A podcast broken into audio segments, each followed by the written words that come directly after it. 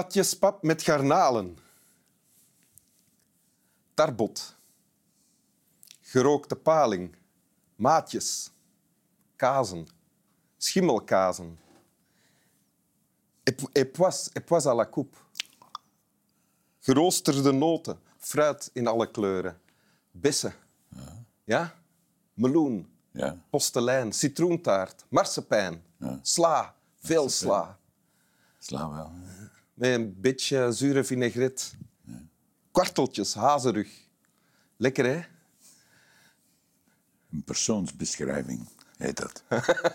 Een persoonsbeschrijving in voedsel. Ja. Welkom in Winteruur, Jan de Cler.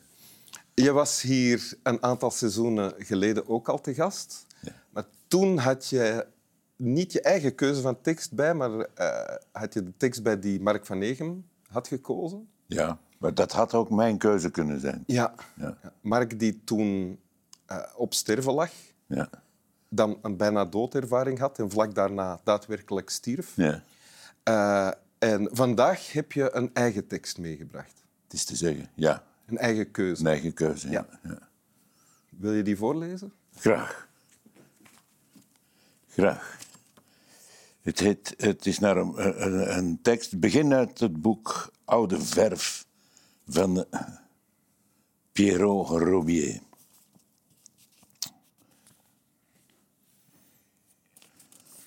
Daar gaan we. Alle begin heeft een einde. Iedereen gaat altijd maar dood. Zo verzuchtte op een naoorlogs winteruur de man die in de korte maand ter wereld kwam om het er lang te rekken. Iedereen. Hij stond bij het venster. In het laatste glazige licht van de dag, als het te vroeg donker wordt en weemoed een mens overvalt. En hij luisterde met een half droef oor naar het gecijfel achter zijn rug. Een gerucht dat in de eethoek ontstond en dat zijn oorsprong vond in het tengere en tegelijk opgetogen girsen van 109 aangestoken kaarsen om een verjaardagsvlade heen. Een niet veredelde soort frangipanne die ter zijnere gloria werd besteld. Dichter ging hij, de man die in de korte maand ter wereld was gekomen. Nog dichter ging hij naar het raam. Buiten wenkte de door het ijs geteisterde vlakte. Daarin, dat wist hij, de man die in de korte maand ter wereld kwam om het lang te rekken, daarin heeft iemand ergens in het meest nabije verleden een vervrozen peetje gevonden. Daarin, in dat ondergesneeuwde gebied, daarin lag een boebelijntje van nog geen zeven weken, een grijzig dood zorgkind. Daarin, achter de kazerne. Sterven, doodgaan, zo redeneerde de man, de Tegen de ruit. Jij kent het. Sterven, doodgaan. Zo redeneerde de man tegen de ruit. Sterven, doodgaan. Een peetje kan het. Een boreling kan het. Iedereen kan het. Behalve ik. Ja, en dan volgt er een roman van, eh, ja, ik weet niet hoeveel pagina's. Een roman van Pierre Robier Ja. die geschreven is in opdracht van Jan de Cler. Ja, een, ja, een, ja een, die- een diepe verzuchting was het, waar, hij- ja, waar hij gevolg heeft gegeven.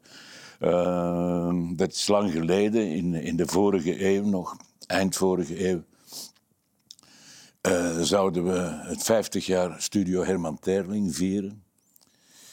Pierrot is een grote bewonderaar van eh, de meester Terling. En eh, de dichter, de schrijver. En eh,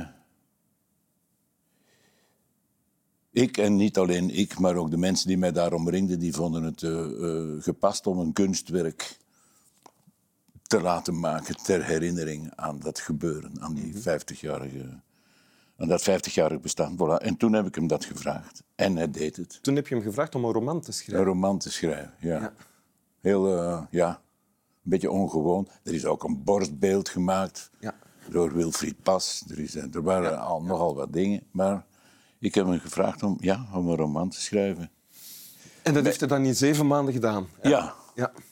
onwaarschijnlijk eigenlijk, ja. vind ik. Ja, ik vond het ook aanmatigend om dat te vragen aan een, aan een vriend. Maar een vriend die ik eh, eh, ook altijd bewonderd heb. Dat is een, eh, toch een, een niet zo voor de hand liggende combinatie, denk ik. Ofwel een vriend hebben, een lief hebben en tegelijk bewonderen. Mm, Of valt dat samen altijd? Dat weet ik dat eigenlijk. weet ik niet. Dat is een nieuwe vraag voor mij. Dus ik kan er niet meteen een eh, Ja. Dan, intelligent antwoord op formuleren. Nee. Maar dat is misschien niet wat je van mij verwacht, ook niet.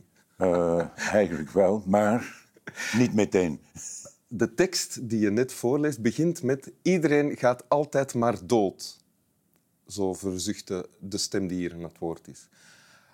Die stem is van, die behoort toe aan een man die 109 is. 109 jaar oud, Clotaire heeft zijn voornaam. En eh, ja, 109 is hij. En hij kan niet sterven. Hij kan niet sterven, het lukt hem niet. En eh,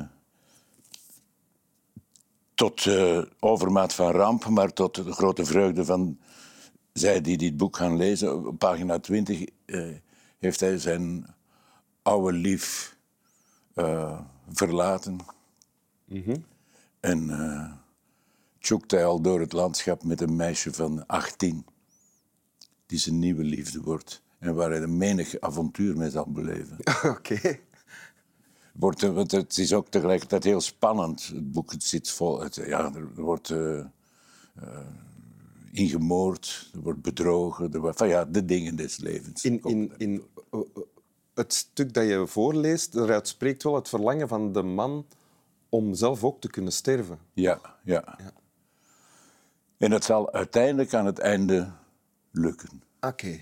Ik, maar ik kan dit allemaal verraden, maar het is, natuurlijk, het is niet meer fris in mijn, eh, in mijn herinnering. eh, maar ik mag dit allemaal verklappen, omdat het, wat mij betreft, bij Robier altijd gaat over de, de, de muziek van, van de taal. Uiteraard ook de inhoud, maar die verbeelding van Pierrot, de schilder, schrijver, die, die, eh, die, die gaat. Ja, Gaat het meer om de, de muziek van de taal en het spel dan om de inhoud, wat er verteld wordt? Eh, ja, dit, de twee vallen goed, vallen goed samen, maar voor mij is dat het grootste plezier. Ah, Oké, ja. Ik kan ook iedereen aanraden om dit, als je het leest, luidop te lezen, om het voor te lezen voor iemand. Of het voorgelezen te laten worden, Ja, door Jan de Cler bijvoorbeeld. ja dat zou kunnen. Dat zou kunnen. Dat doe ik, hè, als je het vraagt. ja, wil je het bij mij thuis komen voorlezen? Zeker. Oké, heel goed. Ehm, ik heb bij de, jouw keuze van dit fragment heb ik ook allerhande fantasieën dat het van alles over jou vertelt. Zal ik zo'n fantasie delen? Want ik weet niet of die kloppen natuurlijk. Ja. Aan het woord is iemand die veel mensen heeft weten sterven. Ja. Eh, en het denk ik dan eh beu is om altijd maar afscheid te moeten nemen. Hoewel hij tegelijkertijd ook nog wel veel eh, levensdrift in zich voelt. ja. Vat ik het zo goed samen? Beter kan niet. Nee. Ik zou het zelf niet zo goed kunnen, Nee. zal ik het zo zeggen. Oké. Maar klopt, ja. ja. Het zijn de dingen die erbij horen natuurlijk. Maar eh, de, de levensdrift bij mij eh, wint het toch nog altijd van de droefenis die er is om Ja. de mensen die je achter je laat. Ja, ja, want je blijft ook aan het werk. Hè. Je schildert en speelt nog altijd. ja. Ja. ik stel- stel bijvoorbeeld nu tentoon samen met mijn goede vriend. Ja. Wil je het nog eens voorlezen? Met veel plezier.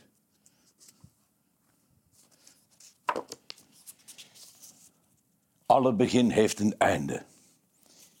Iedereen gaat altijd maar dood.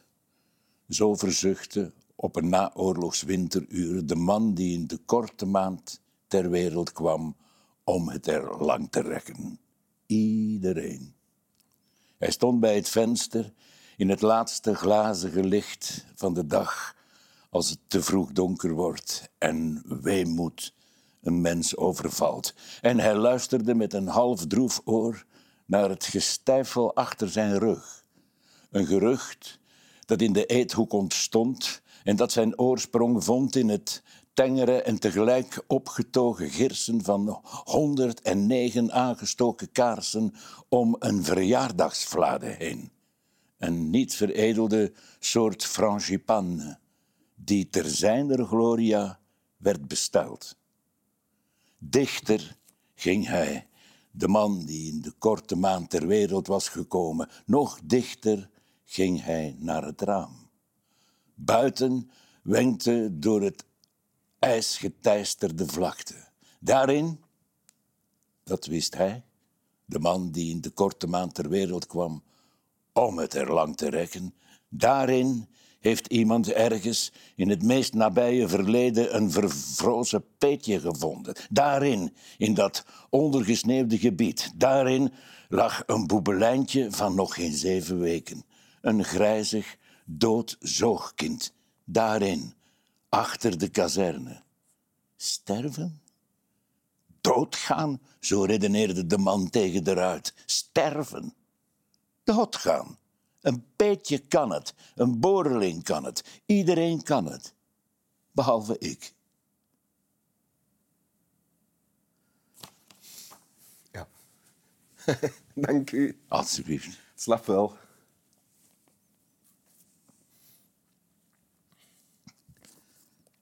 Witloof. Ja, witloof. Ook dat. Rauw. Of uh, gestoofd. Rauw met, met, met stukjes appel en rozijnen. Ja. Heerlijk. Beetje mayonaise. Look.